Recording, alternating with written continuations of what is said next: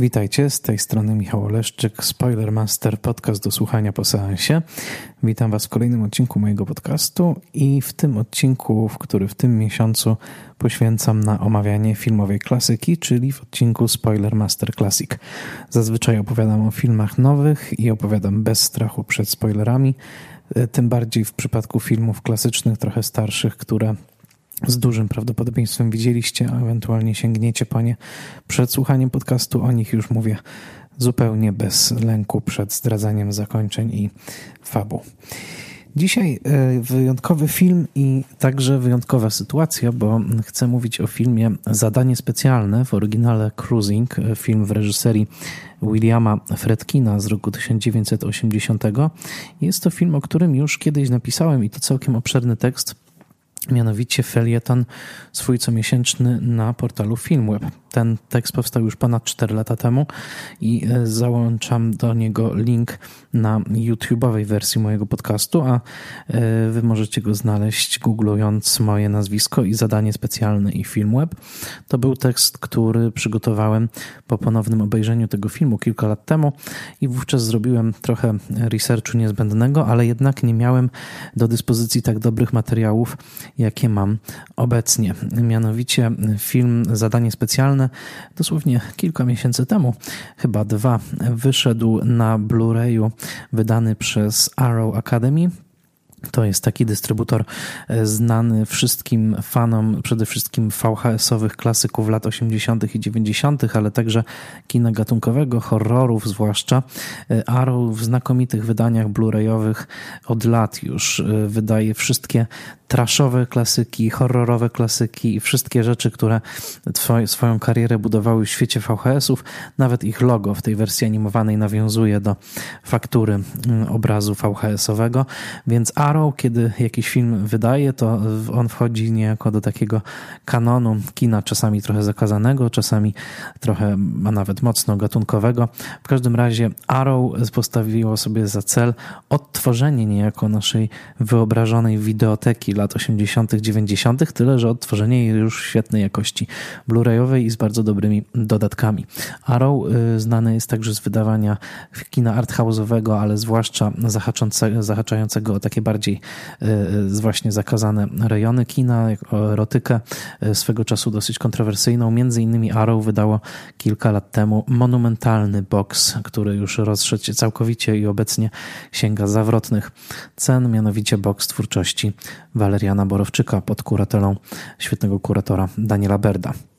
Obecnie Cruising jest wydanym filmem właśnie przez Arrow, jest dostępny przez Amazona na Blu-rayu. Sprawiłem sobie tę płytę, ten film od dawna mnie fascynował i nie tylko mnie, bo jest to jeden z takich legendarnych, przeklętych tytułów filmowych i postanowiłem, że uzupełnię trochę to, co napisałem parę lat temu, do lektury czego bardzo zachęcam, do tego eseju z Filmwebu, właśnie nowymi informacjami i rzeczami, których o zadaniu specjalnym i cruisingu się dowiedziałem. Przy okazji w międzyczasie dotarłem do autobiografii Williama Fredkina, która została wydana kilka lat temu. Nazywa się The Friedkin Connection.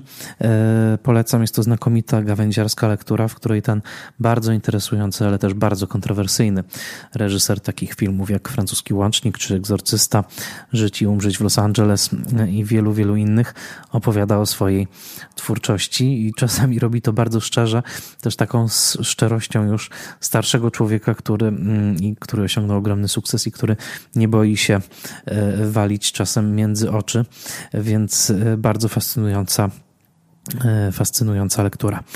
Zadanie specjalne jest filmem, jako się rzekło, z roku 1980 i filmem, który dotyka wielu tematów tabu jednocześnie. Filmem, który był bardzo źle przyjęty w momencie, mm, w momencie premiery. Dodam, że ten moment premiery to był rok 1980, więc jednocześnie e, zbiegło się to z mm, stworzeniem tej nagrody, czy antynagrody, jaką znamy w postaci Złotych Malin. Premiera cruisingu to był 8 lutego 1980 roku i w tym samym roku przyznano także pierwsze w historii w ogóle Złote Maliny.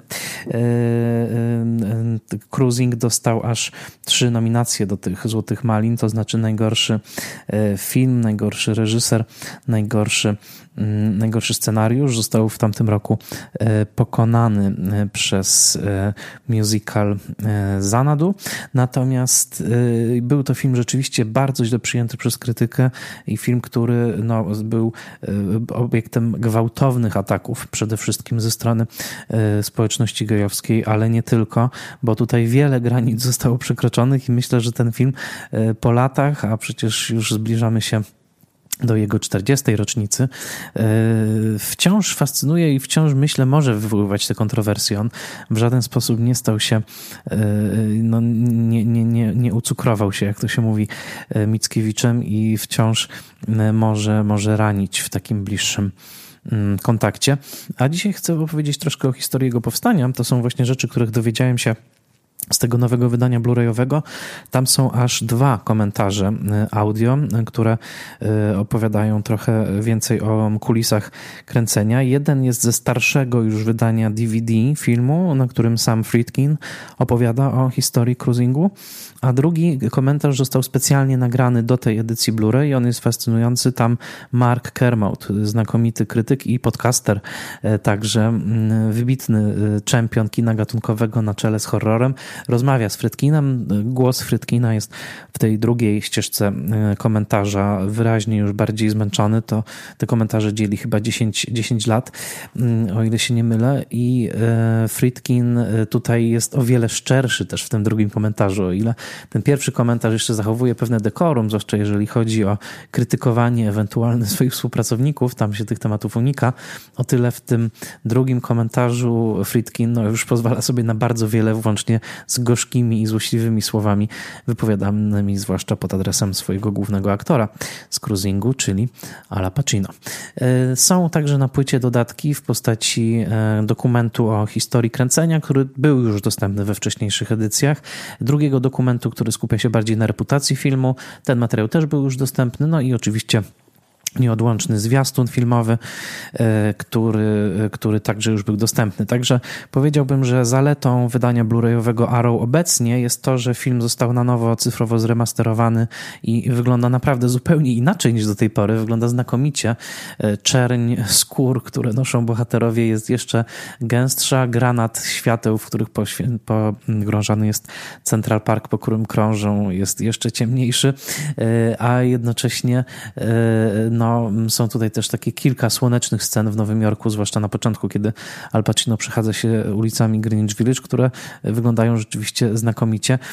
No, dla tej właśnie cyfrowej rekonstrukcji i dla nowego komentarza Friedkina dzielonego z Michaelem Kermodem e, Należy, należy moim zdaniem, o ile już jest się fanem Frytkina, czy tego filmu, czy kina e, amerykańskiego przełomu lat 70., i 80. warto tę edycję kupić. E, o co chodzi z zadaniem specjalnym? Dlaczego to jest taki kontrowersyjny, fascynujący film? On był przez lata pokazywany gdzieś tam pokątnie, przede wszystkim na Polsacie, pamiętam w latach 90. I, i, i zawsze był takim trochę niewygodnym tytułem, czasami w streszczeniach tego filmu na kasetach wideo, a był ten film wydany przez Warnera na, na VHS-ie w Polsce, trochę unikało się mm, określenia, o czym on jest. No, jest to film, który opowiada o detektywie, gra go E, Al Pacino, ten detektyw nazywa się Steve Burns, który dostaje tytułowe tylko w polskiej wersji zadanie specjalne, mianowicie ma zinfiltrować e, środowisko gejowskie, przede wszystkim z subkultury takiej sadomasochistycznej, e, w, która w, na przełomie lat 70. i 80. przede wszystkim szukała rozrywki w południowo-zachodniej części Manhattanu, w tak zwanym Meatpacking District, to znaczy historycznym E, uwarunkowanej dzielnicy, w której dawniej mieściły się przede wszystkim e, rzeźnie e, miejskie i zakłady przetwórstwa mięsnego.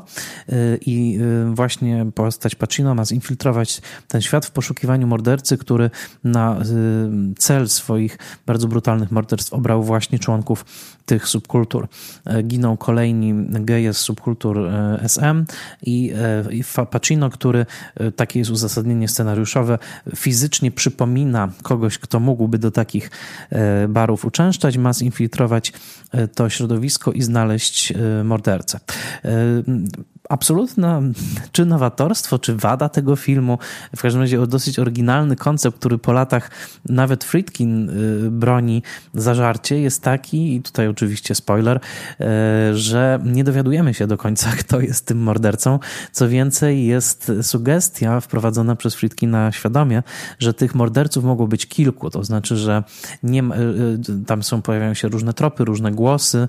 Na koniec jest nawet sugestia, że mordercą mógł być sam sam Steve, e, co, co wywraca całą e, łamigłówkę do góry nogami i na co zresztą sam Al Pacino, zgodnie z tym, co zawarł w swojej autobiografii Friedkin, po pierwszym pokazie filmu roboczym był absolutnie wściekły na Friedkina, bo Friedkin e, sam twierdził, że na to rozwiązanie albo sugestię tego, że Steve jest sam mordercą, którą zawarł w końcu w filmie, w finale, wpadł dopiero na stole montażowym.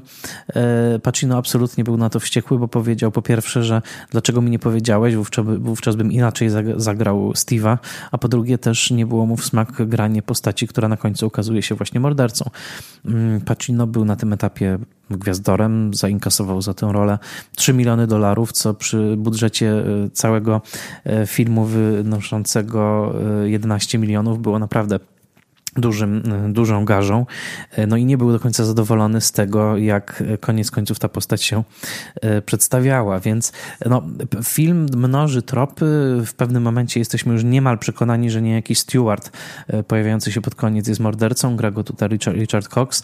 I wszystko na to w zasadzie wskazuje, ale jednak pozostają kwestie kolejnych niewyjaśnionych morderstw. E, pojawia się następne morderstwo, ginie sympatyczny Ted, gay, którego poznał Steve w dzielnicy właśnie gejowskiej, kiedy tam zaczynał ją dopiero infiltrować, grany przez Dona Scardino. On ginie tutaj pod koniec i to jest taki sygnał, że morderca wciąż jest na wolności. Więc y, tak naprawdę Cruising jest szczególnym thrillerem, ponieważ nie poznajemy mordercy, a po drugie jest trop, mianowicie być może morderców jest wielu, ale w jaki sposób oni działają, czy jest to szajka, czy oni się kontaktują, czy jest to też jakaś ciemna siła, której nie da się określić.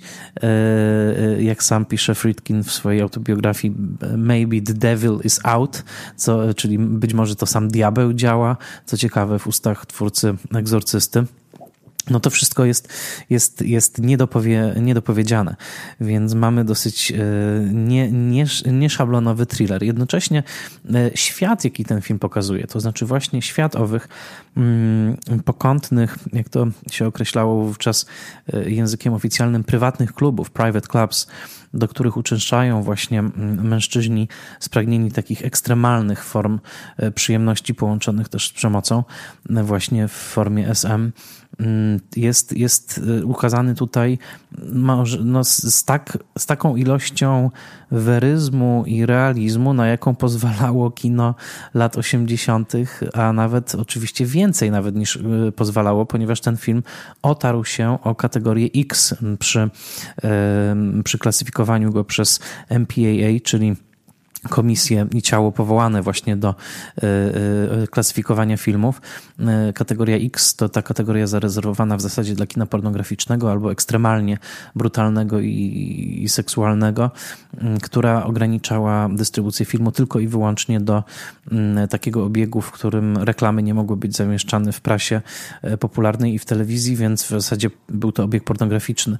Także ten film o to X się otarł i w tym sensie też może poszerzył, może rozsadził niektóre normy prezentowania erotyki na ekranie, ale po latach ma on także wielką wartość dokumentacyjną, dlatego że jeżeli spojrzymy na linię czasu i na kalendarz, to Friedkin zmieścił się dokładnie przed rokiem 81, kiedy to już nie tylko odnotowywano, ale także nazywano pierwsze przypadki mm, umieralności na AIDS y, w Stanach Zjednoczonych.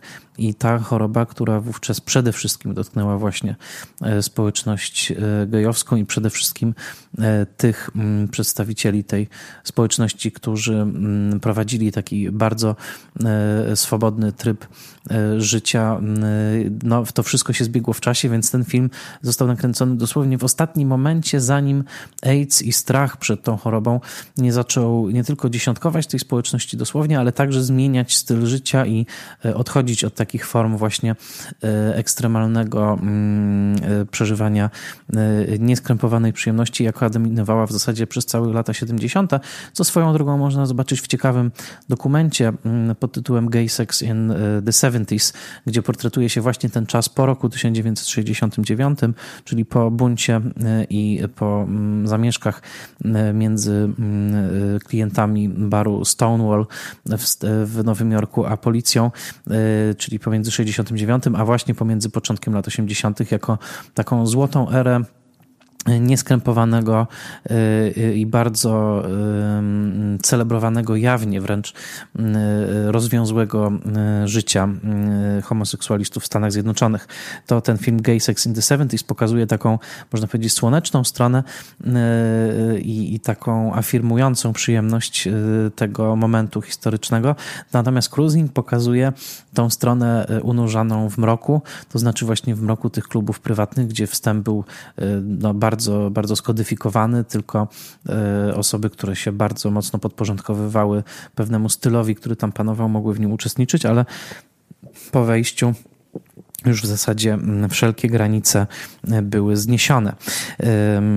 I to mm, jest interesujący bardzo świat, który zafascynował Frytkina. Frytkina, który już miał na koncie wówczas jeden film bezpośrednio podejmujący temat mm, homoseksualistów e, w nowojorskich, to znaczy miał za sobą film pod tytułem Boys in the Band z roku 1970, e, zrealizowany na rok przed przełomowym dla siebie filmem, to znaczy przed francuskim łącznikiem, który zdobędzie Oscara za najlepszy film, będzie ogromnym hitem.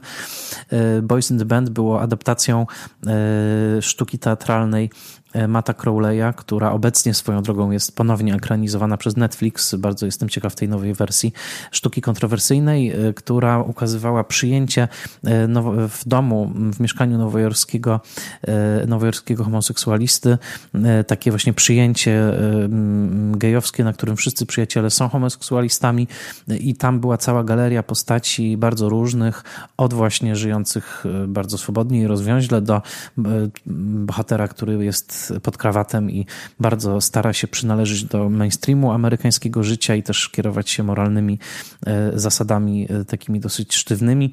E, I ten film Boys in the Band był pierwszym wejściem Fredkina w świat właśnie postaci homoseksualnych. Tamten film był krytykowany na fali właśnie gay liberation, czyli tego ruchu wyzwolenia homoseksualistów za utrwalanie pewnych krzywdzących stereotypów, a także takich stereotypów, które utrudniają przejście właśnie tej społeczności w e, taki aktywny tryb e, jawnego życia. Mianowicie była ta i sztuka, i film były o, o, o, oskarżane o takie czar, swoiste czarnowictwo, to znaczy pokazywanie e, w zasadzie mm, gejów jako nieszczęśliwych, uwikłanych w kompleksy winy, wstydu i nie, nieumiejętnych właściwie do zbudowania jakiegokolwiek życiowego szczęścia i powodzenia. Więc to był swoisty kontrowersyjny tekst i myślę, że także te kontrowersje powrócą przy nowej adaptacji. Natomiast tamte kontrowersje były niczym w porównaniu z gigantycznymi kontrowersjami, kontrowersjami jakie towarzyszyły i kręceniu, a także później dystrybucji filmu Cruising. Mm, e, Cruising powstało na podstawie właściwie no, takim pierwszym zaczynem była powieść Geralda Walkera z roku 1970 właśnie pod tym tytułem Cruising. Cruising, czyli dosłownie krążenie, tak? E, takie dryfowanie, to ze slangu gejowskiego określenie takiego krążenia po barach w poszukiwaniu przygodnego partnera. Ta powieść opisywała mm, morderstwa na mm, homoseksualistach w barach nowojorskich, gejowskich, z tym, że mm, ona była osadzona raczej w barach e, właśnie tego początku lat 70., przede wszystkim w środkowej części Manhattanu, takich bardziej, można powiedzieć, mainstreamowych, e, pozbawionych tego elementu ekstremalnej, e, ekstremalnej erotyki. Natomiast Friedkin, któremu swoją drogą proponowano już na nakręcenie tego materiału w połowie lat 70. i wówczas odmówił. Ten materiał proponowano też Stevenowi Spielbergowi, który również odmówił. To było po sukcesie jego Sugarland Express. Można sobie tylko wyobrazić, jak wyglądałby cruising Spielberga. E, Friedkin powrócił do materiału w momencie, kiedy mm, przeczytał o serii morderstw i serii wyłowionych z mm, rzeki Hudson e, fragmentów ciał pociętych przez e, seryjnego mordercę właśnie w okolicach tych barów na w Meatpacking District, czyli w tej południowo-zachodniej części Manhattanu i wówczas e, pojawiła się właśnie taka sugestia, pisał o tym także publicysta mm, Arthur Bell, piszący dla Village Voice, że właśnie e, no jest, jest seryjny morderca, który na cel obrał sobie e, klientów tych ekstremalnych barów. No i właśnie wówczas Friedkin się tym zainteresował, a tym bardziej zainteresował się i tutaj już w grę wchodzi jakaś przedziwna i straszna opatrzność, zainteresował się, kiedy e, do części tych zabójstw e, przyznał się człowiek, który wystąpił w egzorcyście. To znaczy e, człowiek, który pojawił się w scenie, w scenie badania Lindy Blair,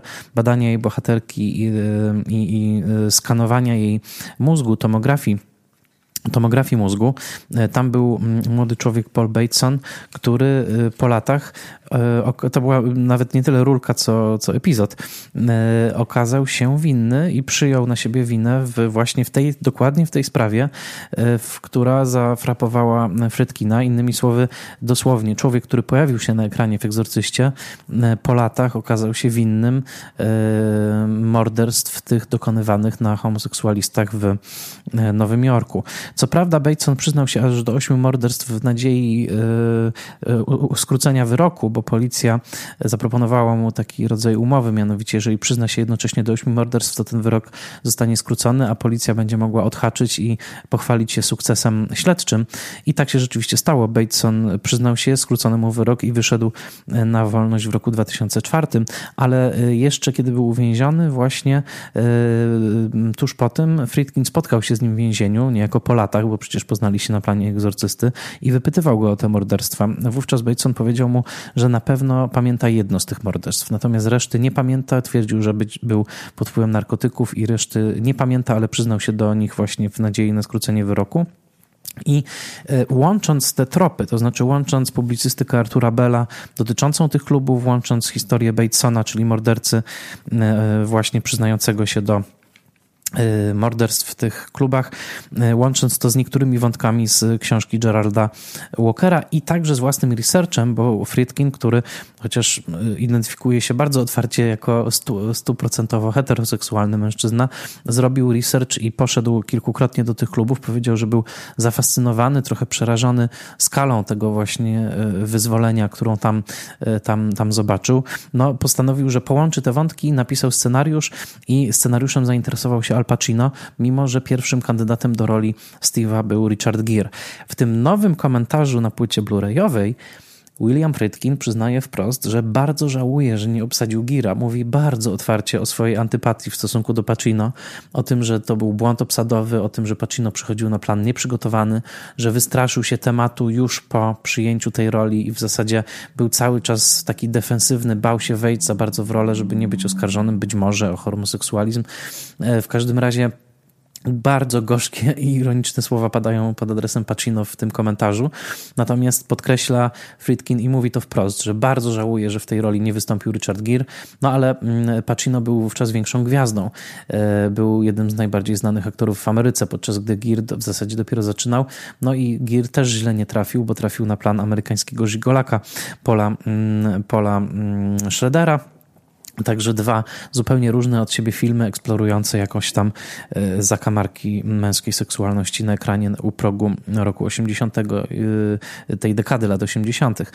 Natomiast e, Friedkin rzeczywiście zrobił research i ogromna wartość dokumentacyjna cruising polega na tym, że rzeczywiście pojawiają się tam lokacje i trudno ustalić, które z wnętrz rzeczywiście przynależy do których z tych lokacji, bo tutaj są rozbieżności między tym, co mówi Friedkin w komentarzu, a tym, co wyczytałem w sieci. Natomiast można z całą pewnością stwierdzić, że przynajmniej część wnętrz i zdecydowanie zewnętrzne części filmowane tych klubów faktycznie przynależą do kilku ikonicznych lokacji tego podziemia sadomasochistycznego, do którego wówczas uczęszczało bardzo wielu no, artystów także związanych nie tylko ze sztuką ze sztuką gojowską. No, dość powiedzieć, że Jerzy Kosiński, pisarz, e, także uczęszczał do tych, do tych miejsc. E, Robert Mapplethorpe, czyli wybitny fotograf, mm, ale także mm, w e, klubie Mineshaft, czyli dosłownie jakby szyb, szyb kopalniany. Mineshaft był także mm, widziany Vincent Minelli, Rainer Werner Fassbinder, Rock Hudson, Michel Foucault. Oni wszyscy tam, tam bywali, a przynajmniej byli, byli co najmniej najmniej raz. Więc te miejsca otoczone właśnie taką legendą, także stanowiące no, epicentrum gwałtownych zmian obyczajowych, taką można powiedzieć wręcz awangardę tych zmian, e, chwilami, mm, chwilami bardzo przerażającą też tym swoim ekscesem, no to wszystko działo się właśnie tam i dzięki temu, że Friedkin wiedziony taką swoją naturalną predylekcją do tematów sensacyjnych, właśnie szokujących, e, wydartych gdzieś z jakichś pierwszych stron tabloidów, która towarzyszyła mu w całej karierze, że zwłaszcza od e, francuskiego łącznika wzwyż, potem też Egzorcysta był takim filmem, który przekroczył wiele granic.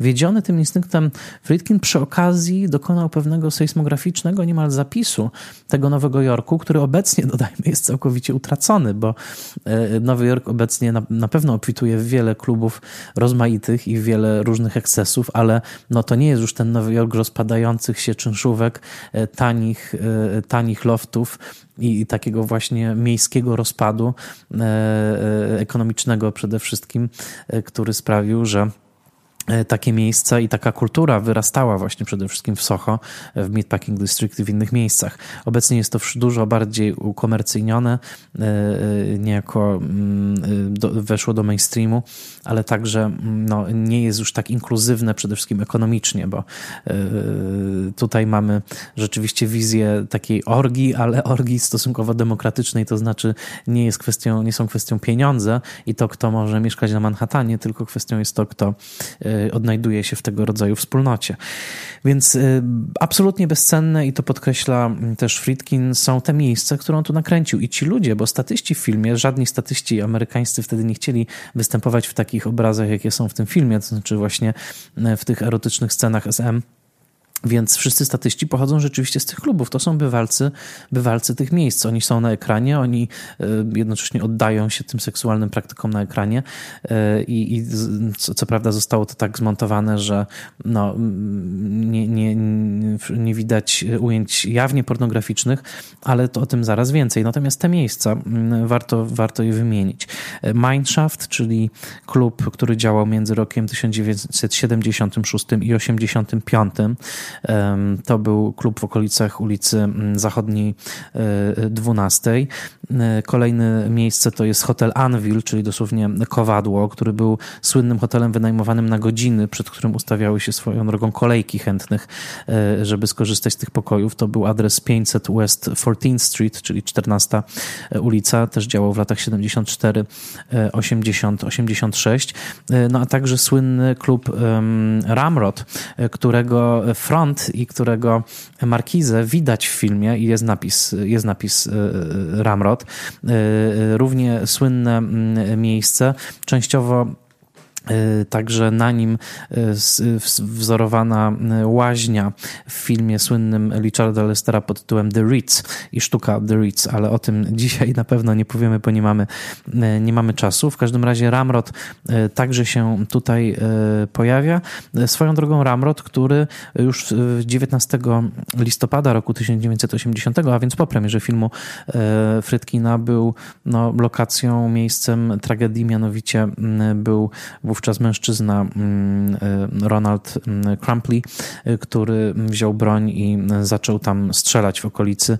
Zabił dwóch mm, e, bywalców klubu Ramrod 6 ranił. Odbyła się taka masakra i no, ten mężczyzna nie krył swoich homofobicznych celów, to znaczy wykrzykiwał, że właśnie chce zabić jak najwięcej gejów, jak to tylko możliwe, więc w zasadzie no, też taki dziwny, profetyczny charakter cruising, bo dokładnie w tym Ramrodzie, który widzimy w filmie, dokonała się ta masakra 19 listopada roku 80. Mm, także to są wszystko bardzo ciekawe lokacje. Co więcej, tutaj widzimy także wnętrze autentycznej kostnicy policyjnej e, nowojorskiej, e, co jest trochę przerażające, bo e, Fredkinowi tak bardzo zależało na realizmie tego filmu, że wręcz namówił mm, ówczesnego koronera, jednego z ważniejszych koronerów nowojorskich, Michaela Badena, żeby pozwolił mu filmować we wnętrzach i podobno też w niektórych ujęciach są prawdziwe ludzkie szczątki pokazywane.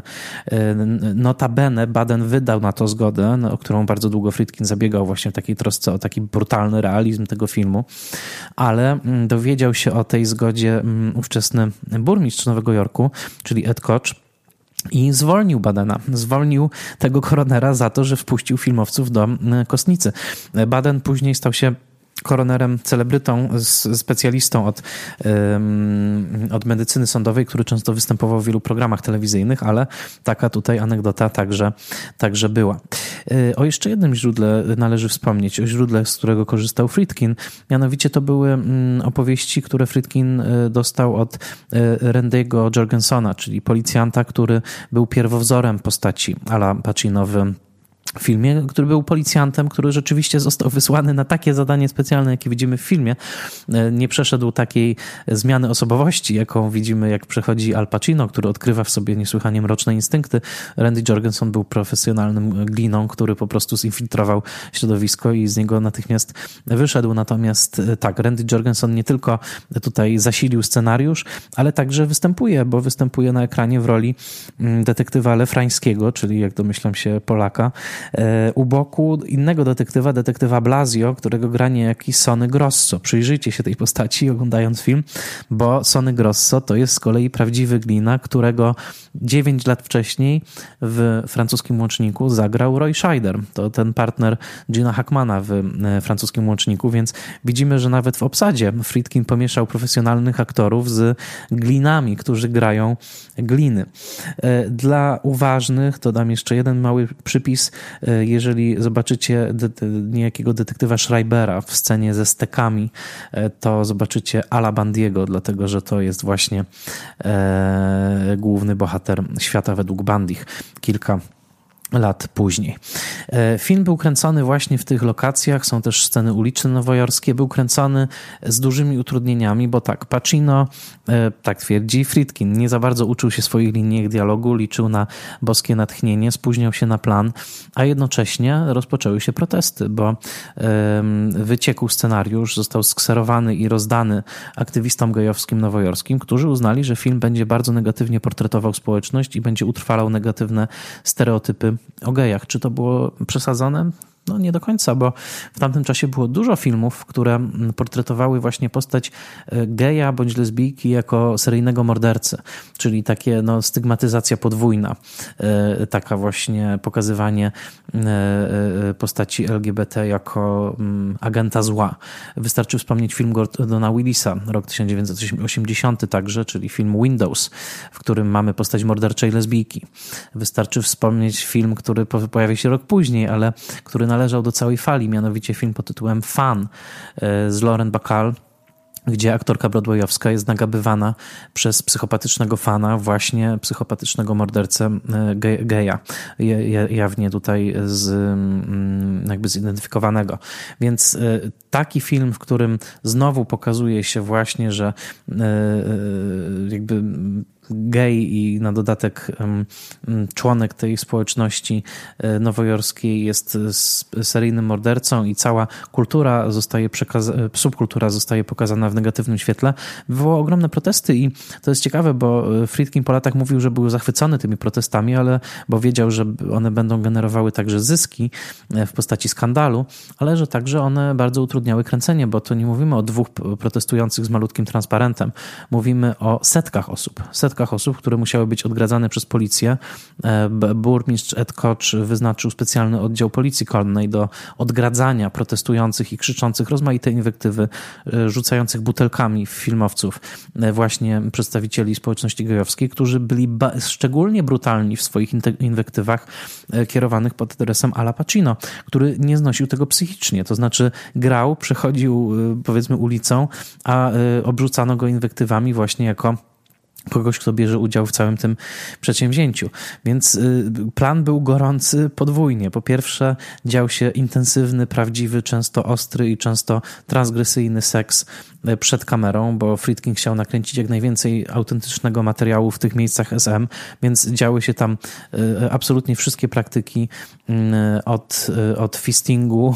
Swoją drogą, tam właśnie w Mineshaft miało, miało siedzibę Fisting Society of America, jeżeli nie wiedzieliście, wiedzieliście, że ono istniało, to e, teraz się dowiedzieliście, e, ale no, po, po, po bardzo różne praktyki oralne i analne, które wszystkie były filmowane przez Frytkina w sposób niemal dokumentalny. Co więcej, kiedy opracował pierwszą wersję montażową filmu Frytkin, zachował te wszystkie elementy, e, po czym trochę wzorem może PRL-owskich filmowców wiedział, że kiedy pokaże to ekipie cenzorskiej z MPAA, że każą mu to wszystko wyciąć, ale że sporo zostanie i dzięki temu osiągnie ten stopień realizmu, o który mu chodziło. I dokładnie tak się stało, ale o tym e, o tym za chwilę.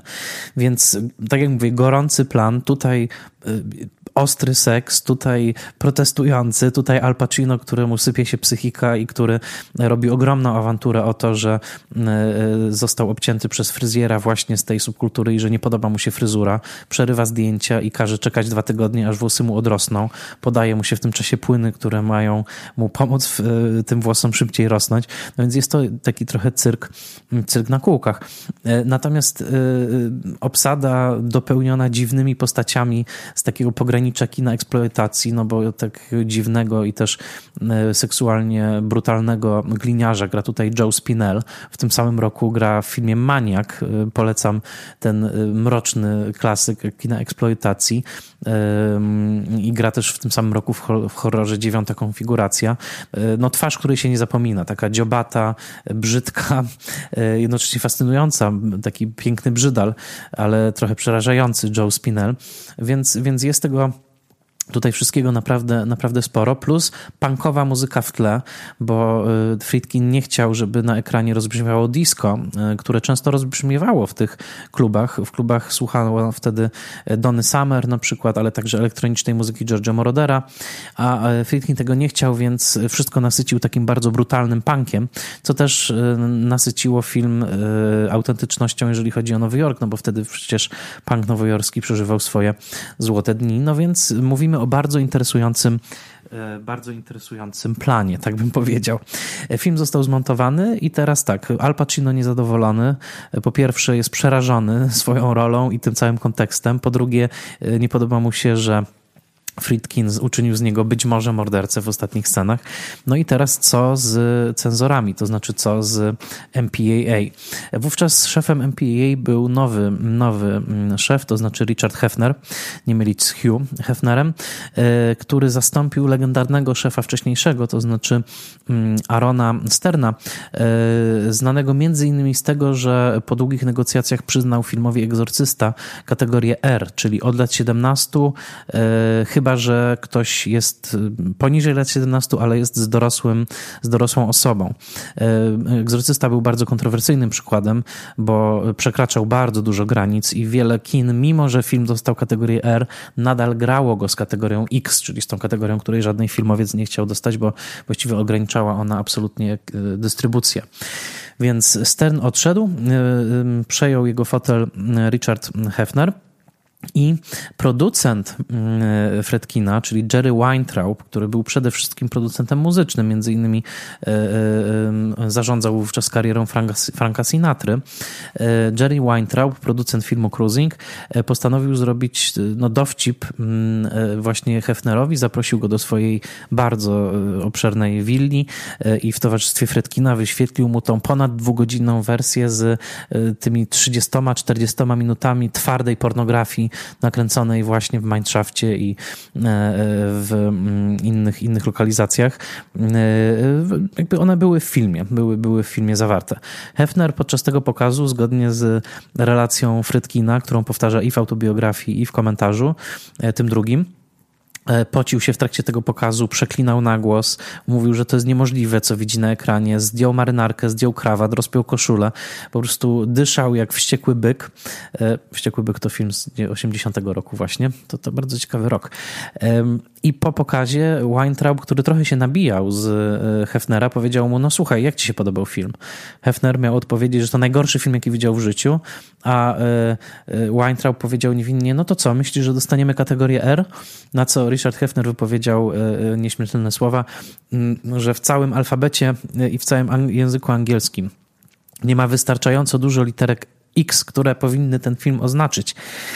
No i wówczas zaczęły się rozmowy, to znaczy najpierw jeszcze Weintraub się z niego trochę ponabijał, a potem powiedział, no dobrze Richard, ale co, co mamy zrobić, żeby ten film otrzymał Erkę? No więc Hefner przekazał film Aaronowi Sternowi, który był wtedy już co prawda emerytowanym szefem MPAA, ale który doradzał, był konsultantem od spraw właśnie obyczajowych i pomagał czasami przemontowywać filmy właśnie po to, żeby z X zejść do Erki. Aaron Stern liczył sobie za dzień pracy, za dzień takiej konsultacji tysiąc dolarów. E, zajęła mu konsultacja i długie negocjacje z Fredkinem 50 dni, więc zarobił 50 tysięcy dolarów na przemontowywaniu cruising, na dodawaniu efektów dymnych, takich zamgleń, różnych przeostrzeń, które strategicznie zakrywały momenty penetracji i tak dalej. No i w końcu, w końcu powstał film, który otrzymał rzeczywiście kategorię R, chociaż, co podkreśla Friedkin i co można zobaczyć, jeżeli się bardzo uważnie ogląda albo robi stopklatkę, są w tym filmie pojedyncze klatki e, pokazujące stosunek analny, ale one są, co ciekawe, wmontowywane w sceny morderstw, jako taki podprogowy szok, podprogowy dodatkowy mm, stymulant więc one są, być może ich Aaron Stern nie, nie zobaczył. Film dostał kategorię R.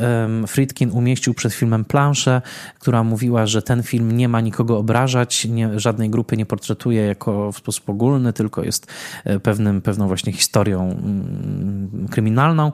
E, swoją drogą tę planszę usunął Friedkin po latach. Obecnie już jej nie ma na wydaniach Blu-ray i DVD, ale wówczas ona, ona była. No i odbyły się pierwsze pokazy prasowe. Arthur Bell z Village Voice e, stanął naprzeciwko Fredkina na pokazie prasowym, powiedział, że nakręcił film e, zły i podły, wymachiwał na niego laską i, i twierdził na dodatek, że e, Friedkin dokonał kradzieży jego artykułów. Film spotkał się z lodowatym przyjęciem, tak? to znaczy to stężenie perwersji, przemocy, mroku i też oczywiście kulturowy fakt, że oto na ekranie ofiarami są mężczyźni i to oni wiją się w, w konwulsjach e, i mordercą jest także mężczyzna i to nagle ciało męskie staje się tym kąskiem, że tak powiem, wystawionym na, e, na żer, a nie ciało kobiece, bo umówmy się, scen morderstw krwawych i rozmaitych ofiar seryjnych morderców w kinie były dziesiątki, jeśli nie setki do tej pory. Tutaj nowością była ta właśnie skupienie na męskości i na tym, że męscy, zwłaszcza heteroseksualni widzowie tego filmu, e, czuli się niekomfortowo, bo zostały tutaj zamienione pewne role, tak? Dopóki ofiarami seryjnych morderstw były piękne kobiety, wszystko było ok. E, do, tutaj nagle następuje przesunięcie, no i okazuje się, że nie jest wszystko ok, co tylko świadczy o pewnych wzorcach naszej kultury, które, mm, e, wciąż, wciąż się nie, nie zmieniają.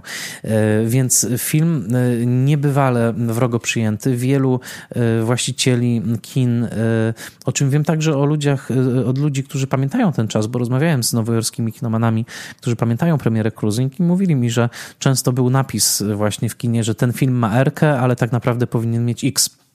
Więc, e, więc to jest, e, mm, to jest e, historyczny fakt. No więc film nie był ani sukcesem komercyjnym, ani sukcesem krytycznym i no, można powiedzieć zginąłby w niesławie i widzowie wychodzili w trakcie napisów końcowych podczas kiedy na ścieżce dźwiękowej brzmiała piosenka Williego DeVilla It's So Easy, e, sugerująca, że właśnie to ze, ze, się w swoją bardziej mroczną stronę jest bardzo łatwe.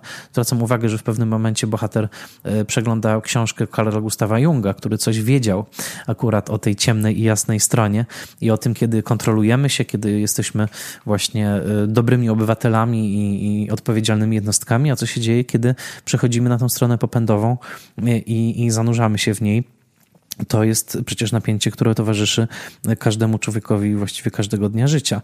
Więc ten film pokazuje, co się dzieje, kiedy właśnie wkracza się w tę krainę fantazji i postanawia się tą fantazją, e, tę fantazją żyć. No a drugą rzeczą było to, co przyczyniło się do e, e, jeszcze gorszej pracy tego filmu, że wkrótce rozpoczęła się epidemia AIDS. Miejsca takie jak mm, Ramrod czy właśnie Mineshaft były zamykane często w wyniku interwencji sanepidu, tak, w mieście Nowym Jorku i cała ta kultura, ta subkultura, też ten chwilowy sen o całkowitym wyzwoleniu został zmiażdżony y, chorobą, epidemią, ale także polityką y, administracji Reagana, która przecież właśnie zaczyna się w roku 80 i która y, nie ma żadnych skrupułów, jeżeli chodzi o uprzedmiotowienie, a także mm, takie wyraźne wyraźne e, e, targetowanie negatywne, oczernianie mm, i, i, czynienie z homoseksualistów jak en bloc e, rodzaju, mm, rodzaju totemu negatywnego, co, co zresztą było opisane wielokrotnie i co możemy między innymi zobaczyć w Aniołach, mm, Aniołach w Ameryce. Więc przedziwny film, pełen ciekawych historii w tle. Dodam, że zezwolenie na kręcenie w tych wszystkich e, pokątnych miejscach uzyskał Friedkin od właściciela tych miejsc, którym był e, słynny mafiozo e, włoski, taki trochę Tony Soprano o pseudonimie Koń, The Horse, o imieniu Manny, który podobno miał, ten pseudonim Koń, dlatego że kiedyś uderzył z pięści konia i, i, i koń nie wytrzymał tego i upadł na ziemię. Takie to historie z mafii włoskiej w Stanach Zjednoczonych.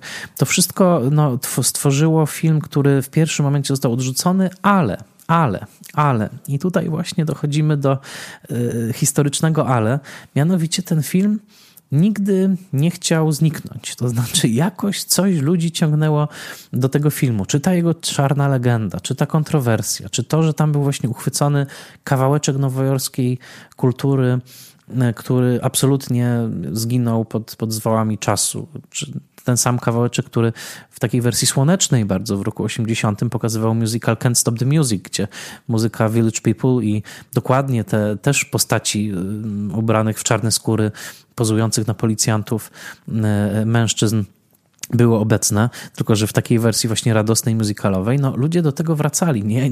prawie jakby wracali do klubu Mindshaft, który miał te swoje zasady. Przed klubem było napisane, jak należy się ubierać.